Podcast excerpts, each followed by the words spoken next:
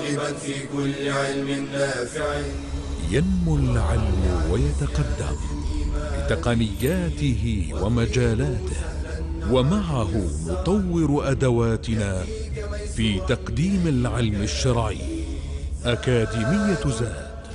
زاد أكاديمية ينبوعها. صاف صاف ليروي غلة الظمآن.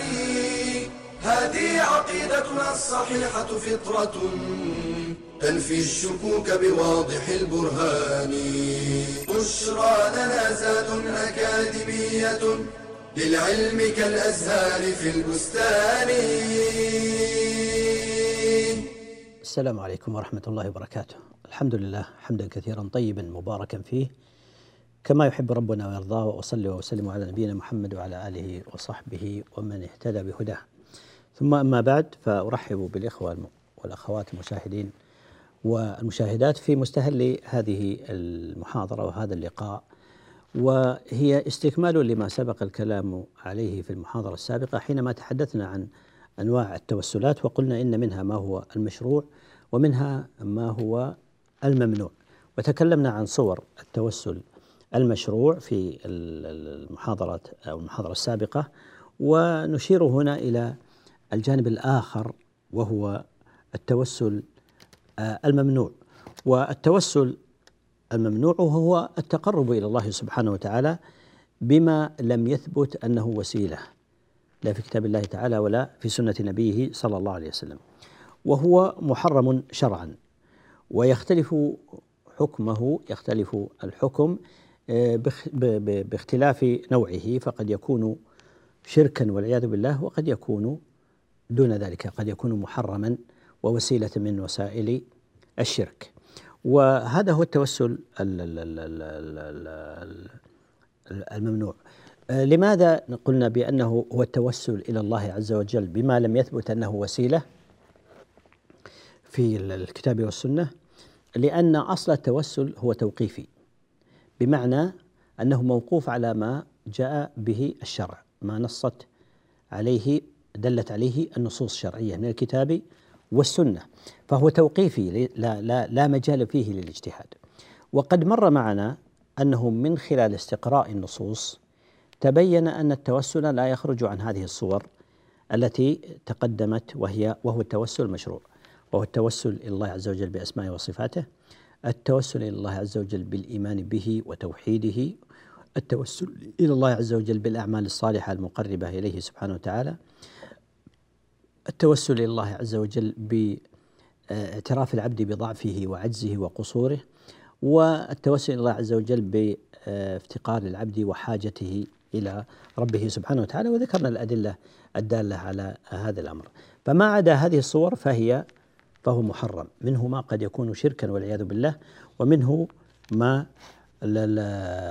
ما هو دون ذلك. وعليه فإن التوسل غير المشروع ينقسم إلى قسمين وهو التوسل غير المشروع كما قلنا هو التوسل إلى الله بغير ما شرعه سبحانه وتعالى وهو على قسمين إما توسل بدعي توسل بدعي وهو أن يكون المدعو هو الله سبحانه وتعالى والتوسل إلى الله عز وجل ولكن بطريق غير مشروع ولكن بطريق غير مشروع.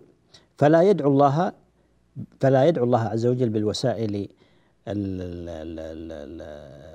يعني فلا يدعو الله عز وجل بالوسائل المشروعة التي مرت معنا وإنما يدعوه بوسائل غير مشروعة لم يرد بها النص إنما يدعو بوسائل غير مشروعة كمان كمن يتوسل إلى الله عز وجل بجاه النبي صلى الله عليه وسلم أو بذوات الصالحين أو بغير ذلك من الصور وهي توسلات إلى الله لكنها بغير بطريق غير مشروع بطريق غير مشروع. النوع الثامن قلنا التوسل البدعي والنوع الثاني المقابل وهو التوسل الشركي وهو دعاء غير الله عز وجل. أن يتوسل العبد إلى الله عز وجل بدعاء غيره بدعاء غير الله عز وجل. وهذا هو أخطر هذه الصور وهو التوسل إلى الله عز وجل بالطلب والدعاء الأموات غير القادرين على إجابة الداعي. فلا يجوز طلب الدعاء أو الشفاعة من الأموات من الميت. مثلا مهما كان هذا الميت من نبي آه، أو صالح أو غير ذلك. وخاصة الذين يذهبون عند قبور الأموات ويكون أشد تعلقا فيسأل الميت في أن يقربه إلى الله سبحانه وتعالى زلفى. ويشفع له عند الله عز وجل. وهذه صورة شركية واضحة وهي من صور الشرك من صور الشركية من شرك المشركين الذين بعث النبي صلى الله عليه وسلم في محاربتهم في استحلال دمائهم وأموالهم في مقاتلتهم حتى آه، يشهدوا أن لا إله إلا الله. هذا دعاء الأموات. لا شك أنه من أخطر البدع المنكرة التي تصل بصاحبها إلى الشرك الأكبر. والعياذ بالله ودعاء غير الله سبحانه وتعالى. وقد ذم الله سبحانه وتعالى من هذا مسلكه وهذه طريقته. آه، كما في قول الله عز وجل ذلكم ذلكم الله ربكم له الملك. والذين تدعون من دونه تتوسلون بهم. والذين تدعون من دونهم ما يملكون من قطمير. إن تدعوهم لا يسمعوا دعاءكم ولو سمعوا ما استجابوا لكم ويوم القيامة يكفرون بشرككم ولا ينبئك مثل خبير. هؤلاء الذين يدعون ويتوسل بهم مدد يا حسين مدد يا فاطمة يا عبد القادر وغيرها من التوسلات بالأموات. هذه من التوسلات الشركية التوسلات الشركية والعياذ بالله. وصورها كثيرة جدا ولها وجودها للأسف في عالم المسلمين اليوم. وكما في قول الله عز وجل في التحذير من هذه الصورة الشركية في قول الله تعالى ومن أضل ممن يدعو من دون الله من لا يستجيب له إلى يوم القيامة. وهم عن دعائهم غافلون.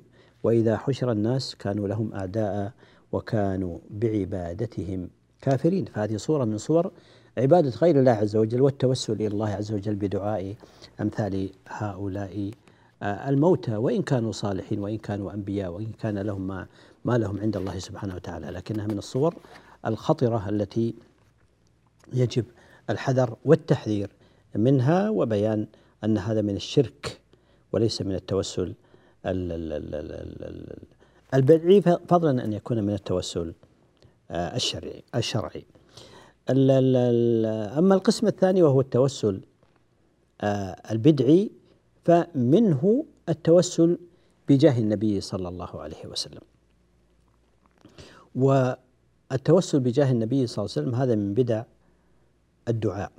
وبين يدي الحديث عن التوسل بجاه النبي صلى الله عليه وسلم نشير إلى أن التوسل بالنبي صلى الله عليه وسلم يأتي على آه على ثلاثة أنواع.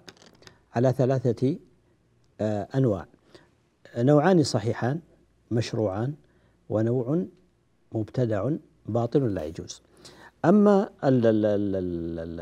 التوسل بالنبي صلى الله عليه وسلم الصحيح فهو التوسل إلى الله عز وجل بإيماننا بنبينا صلى الله عليه وسلم ومحبتنا لنبينا صلى الله عليه وسلم وبطاعته واتباعه فهذا من التوسل المشروع وهو أمر يتقرب إلى الله سبحانه وتعالى به ولا شك في ذلك. وهو من الأعمال الصالحة التي تقرب العبد إلى الله وهي من التوسلات المشروعة التي أشرنا إليها. فإيماننا بالنبي صلى الله عليه وسلم وبرسالته وبمحبتنا له وبطاعتنا له هذه من التوسلات المشروعة بالنبي صلى الله عليه وسلم. أما الثاني فهو التوسل إلى الله بدعاء النبي صلى الله عليه وسلم في حياته وشفاعته وبطلب الشفاعة منه في يوم القيامة في يوم القيامة وهذا أيضا كان الصحابة في حياته عليه الصلاة والسلام يسألونه الدعاء كما مر معنا.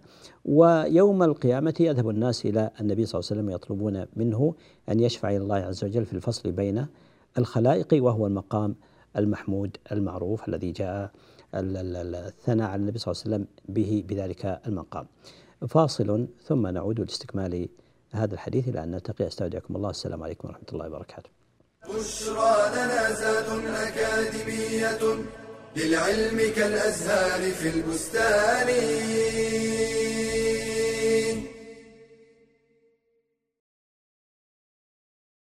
هل رغبت يوما في بيع سلعة وبحثت عما يوفر لك مشتريا بسعر جيد؟ وهل رغبت في شراء عقار فذهبت لمن يدلك على ما يناسبك؟ هذه هي حقيقة السمسرة. وعمل السمسار حلال والأجرة عليه مباحة. ويجب أن يكون السمسار ناصحا. فيدل صاحب السلعة على أفضل مشتر ويدل المشتري على أفضل سلعة. مصداقا لقول النبي صلى الله عليه وسلم الدين النصيحة. ويجب أن يكون صادقا في وصف السلعة فلا يغالي فيها ولا يحط من قدرها ليجامل من وسطه. بائعا كان أو مشتريا وإذا حكماه في تقدير ثمن السلعة فليقومها بالعدل فهي شهادة وأمانة. قال تعالى يا أيها الذين آمنوا كونوا قوامين لله شهداء. وإذا عمل السمسار لأحد المتعاقدين لم يجز له أن يتواطأ مع الطرف الآخر على زيادة السعر أو إنقاصه فهذا غش وخيانة. لا سيما إذا تولى السمسار العقد لأنه وكيل مؤتمن ويأخذ السمسار أجرته من البائع أو المشتري أو منهما بحسب الشرط أو العرف فإذا لم يكن شرط ولا عرف فالأجرة على من وسطه منهما. ويجب أن تكون الأجرة معلومة بأن تكون مبلغا مقطوعا كعشرة أو نسبة مئوية من ثمن السلعة كاثنين بالمئة مثلا. أو يقول له بعه بمئة وما زاد فهو لك. قال ابن عباس لا بأس أن يقول بع هذا الثوب فما زاد على كذا وكذا فهو لك. وقال ابن سيرين إذا قال بعه بكذا فما كان من ربح فهو لك. أو بيني وبينك فلا بأس به. وهذا من الشروط الجائزة فيجب الوفاء بها. قال النبي صلى الله عليه وسلم المسلمون على شروطهم إلا شرطا حرم حلالا أو أحل حراما. بشرى لنا زاد أكاديمية للعلم كالأزهار في البستان.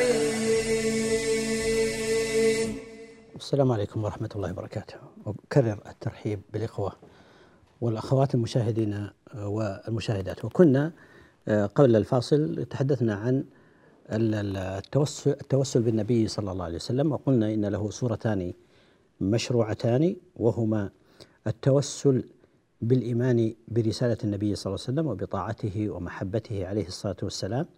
وهذه صورة مشروعة بلا شك ومن أجل القربات التي يتوسل الله سبحانه وتعالى بها. والأمر الثاني هو التوسل بدعائه صلى الله عليه وسلم وبشفاعته. توسل الله عز وجل بدعائه وبشفاعته. وهذا ما كان في حياته صلى الله عليه وسلم.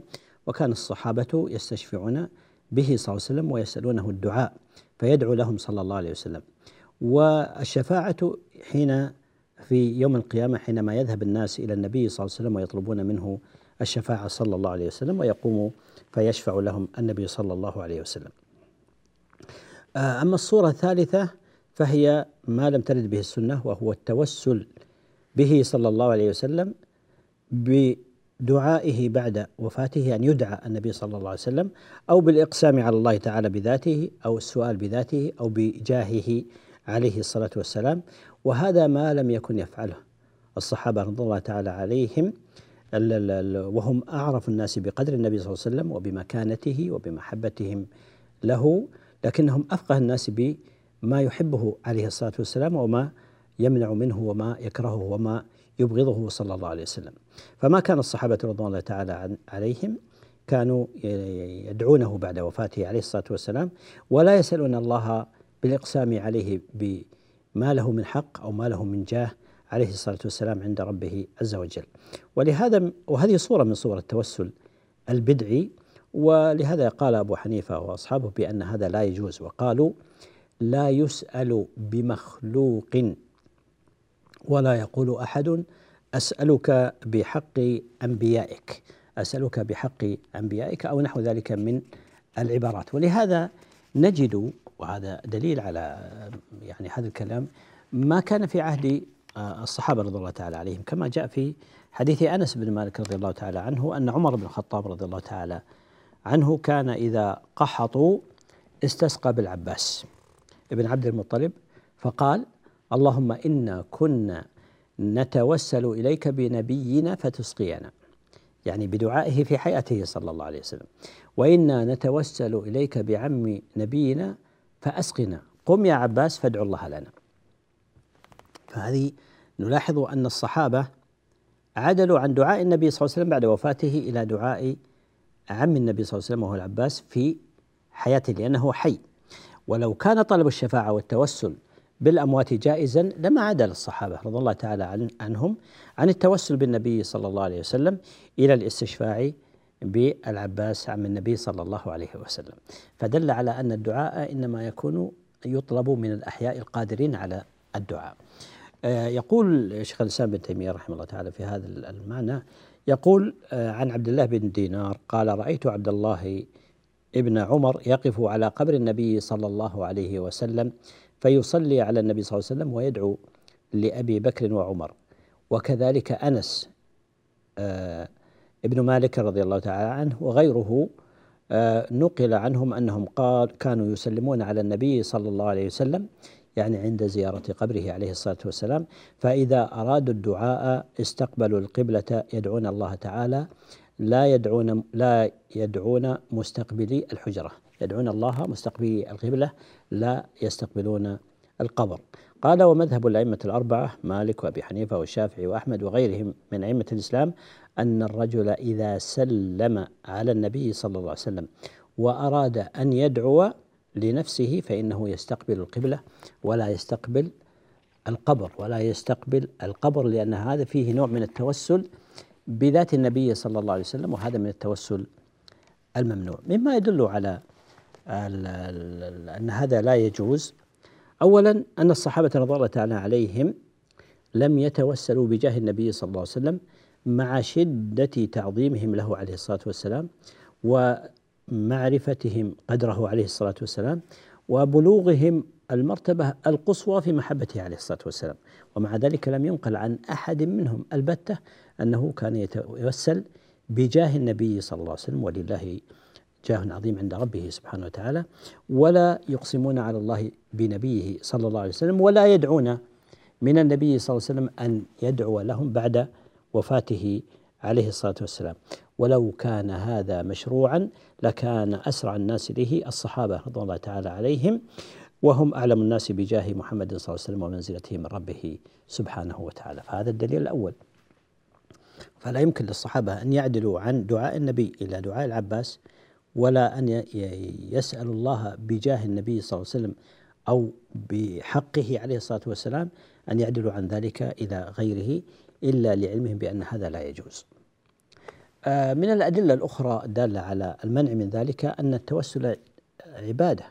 التوسل دعاء والدعاء عبادة. والنبي صلى الله عليه وسلم قال الدعاء هو العبادة والأصل في العبادات التوقيف المنع حتى يقوم الدليل على المشروعية ولم يرد أي دليل يدل على جواز آه، الدعاء بذات النبي صلى الله عليه وسلم أو بجاهه أو بحقه أو بنحو ذلك من العبارات. الأمر الثالث أنه توسل بعمل الغير. ذلك أن المنزلة والجاه إنما اكتسبه الإنسان بعمله وليست بعمل المتوسل وإنما بعمل المتوسل إليه. وعمل الغير مختص به فلو توسل به غيره كان قد سأل بأمر أجنبي عنه وقد قال تعالى وأن ليس للإنسان إلا ما سعى وان ليس للإنسان إلا ما سعى. فالتوسل إنما يكون بدعاء أو عمل صالح أو ترك معصية لا بقدر شخص أو ذاته أو جاهه أو منزلته وهو التوسل بالأمر آه، المعنوي. ومن الشبه التي يعني يرددها بعض آه، من يقع في هذا التوسل البدعي يقولون إن آه، النبي صلى الله عليه وسلم واسطة بيننا وبين الله عز وجل وهذا حق. يقال نعم لكنه واسطة في التبليغ في تبليغ دين الله سبحانه وتعالى في البلاغ. فعلى الرسول البلاغ عليه الصلاة والسلام وهو واسطة بيننا وبين الله في بلاغ هذا الدين وليس واسطة في عبادته صلى الله عليه وسلم. فلا ترفع الأعمال إلا عن طريقه عليه الصلاة والسلام لا. فهو واسطة في البلاغ وليس واسطة في أن يدعى من دون الله سبحانه وتعالى. فهو رسول مطاع لا رسول معبود من دون الله سبحانه وتعالى. والحكم في ذلك هو الدليل. ما هو الدليل؟ وعمل الصحابة رضوان الله تعالى عليهم وهم أفقه الناس بمراد الله تعالى ومراد رسوله صلى الله عليه وسلم. فهل وجد منهم أنهم دعوا النبي صلى الله عليه وسلم بعد وفاته؟ هل وجد منهم أنهم دعوا الله بجاه النبي صلى الله عليه وسلم أو بحق النبي صلى الله عليه وسلم أو بمكانته أو بمنزلته؟ أبدا. بل الوارد عنهم والثابت عنهم أنهم يعدلون عن دعاء النبي صلى الله عليه وسلم إلى دعاء الأحياء من قرابته عليه الصلاة والسلام وأهل بيته كما في قصة العباس رضي الله تعالى عنه وأرضاه. فلو كان آه، التوسل بجاه النبي صلى الله عليه وسلم مشروعا لا ما عدلوا عن آه، التوسل الله بجاهه عليه الصلاة والسلام إلى التوسل بدعاء العباس وهو يعني لأنه حي. كذلك لو كان التوسل بجاه النبي صلى الله عليه وسلم مشروعا لتوسلوا بذلك في حياته وبعد وفاته. لأن جاه النبي صلى الله عليه وسلم ومنزلته باقية لا تنقضي بموته صلى الله عليه وسلم. فدل ذلك على أن هذا ليس من المشروع وليس من التوسل المشروع. آه كذلك بالنسبة للإقسام على الله تعالى ببعض خلقه كقول بعضهم اللهم إني أقسم عليك بفلان أو بحق فلان أو بجاه فلان أو غير ذلك من الأمور وهذه أيضا من التوسل البدعي غير المشروع هذه بعض الصور التي يعني صور التوسل البدعي وللحديث بقية فاصل ثم نعود لاستكمالها بعد الفاصل إن شاء الله إلى أن نلتقي أستودعكم الله الذي لا تضيع ودائعه والسلام عليكم ورحمة الله وبركاته. بشرى أكاديمية للعلم كالأزهار في البستان.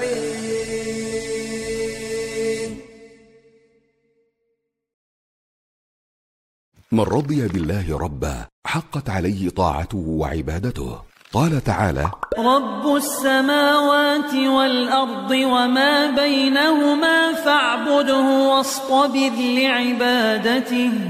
والصبر على أداء الطاعات أكمل من الصبر على اجتناب المحرمات. وطاعة الله تحتاج إلى أنواع من الصبر كالصبر على الإخلاص فيها ومدافعة دواعي الرياء والغرور والصبر على الاتباع فيها وتكميلها والصبر على ترك التقصير فيها والابتداع والمداومة عليها وعدم الانقطاع.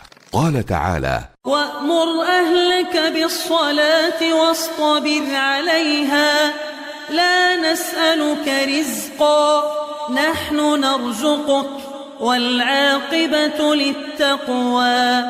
ومن صبر على الطاعة أثيب عليها عند العجز عن فعلها. قال صلى الله عليه وسلم إذا مرض العبد أو سافر كتب له مثل ما كان يعمل مقيما صحيحا. والمداومة على الطاعة تقود إلى حسن الخاتمة.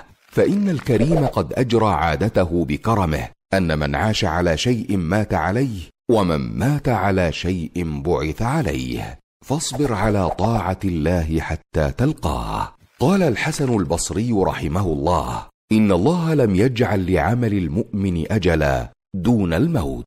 ثم قرأ واعبد ربك حتى يأتيك اليقين.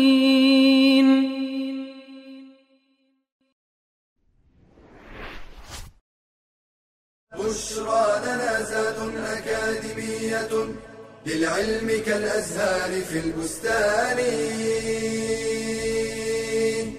السلام عليكم ورحمة الله وبركاته. أكرر الترحيب بالإخوة المشاهدين والمشاهدات وأسأل الله الجميع العلم النافع والعمل الصالح.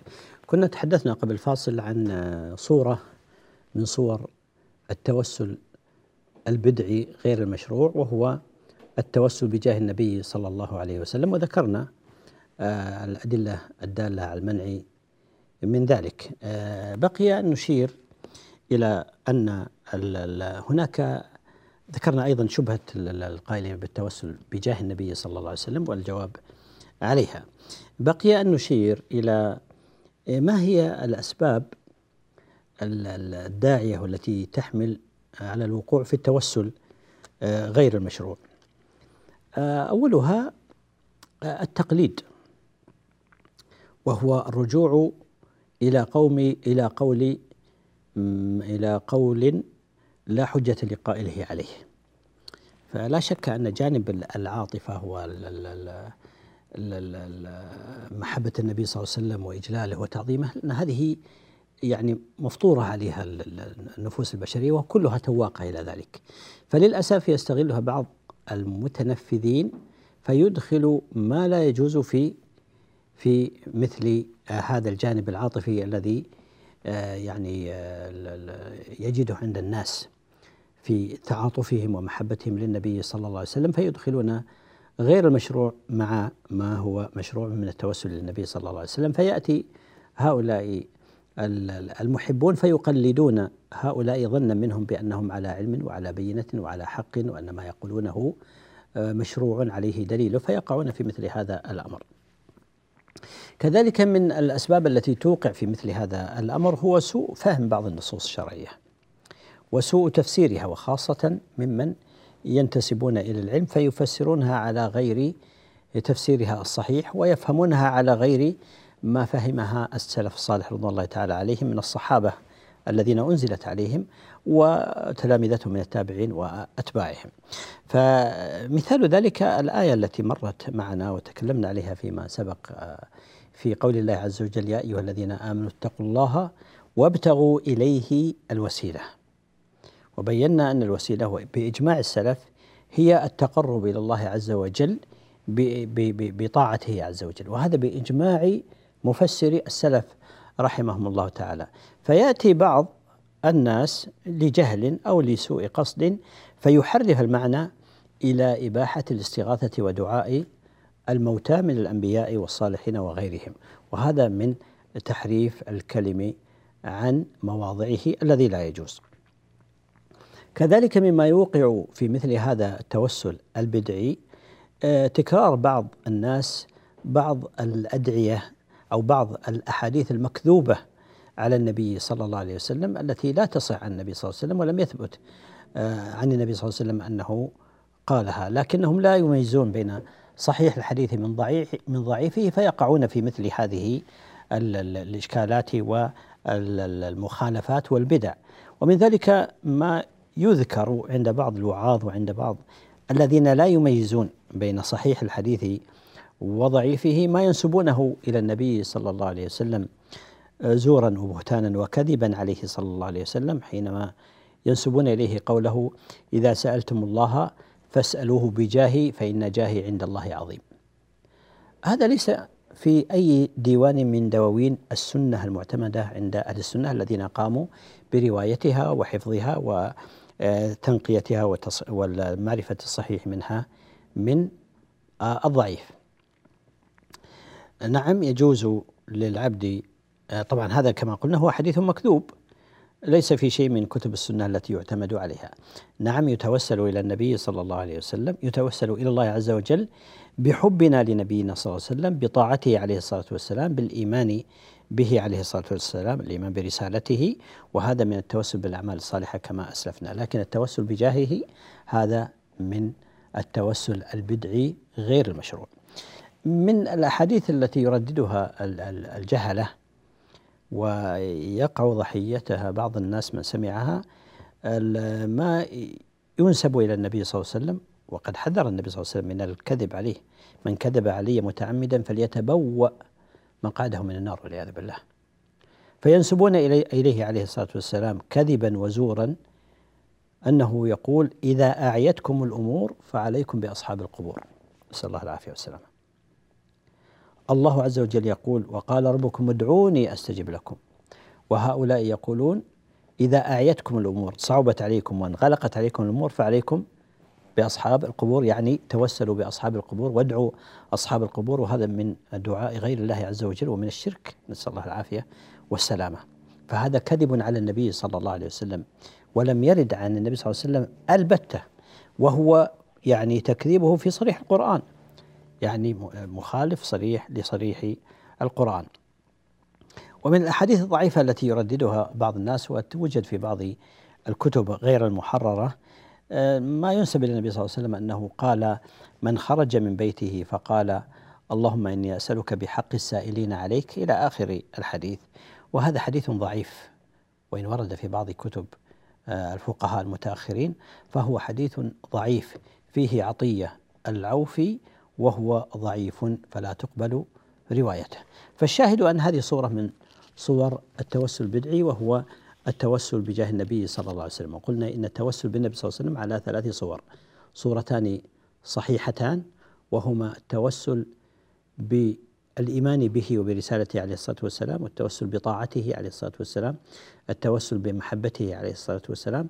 الصورة الثانية هي التوسل بدعائه عليه الصلاة والسلام في حياته عليه الصلاة والسلام. أما الصورة البدعية الممنوعة فهي التوسل كما قلنا بجاهه أو بحقه عليه الصلاة والسلام أو بمنزلته عند الله عز وجل أو بدعائه بعد وفاته عليه الصلاة والسلام.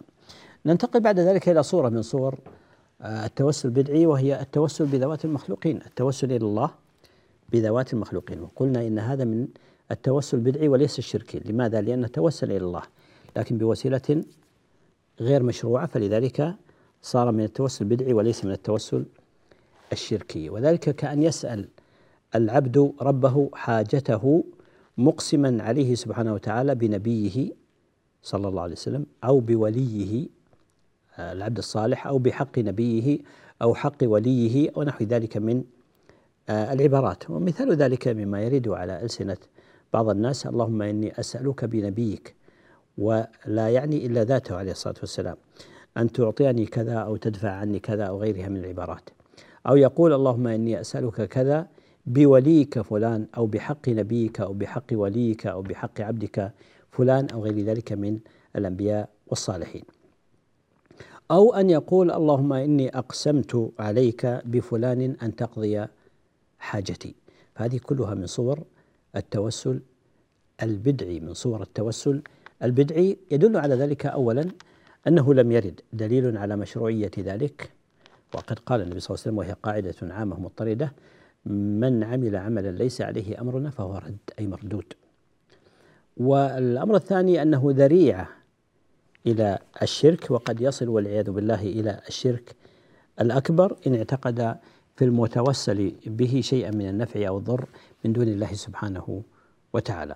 والدليل الثالث أن السؤال بحق فلان يتضمن أن للمخلوق حقا على الله عز وجل.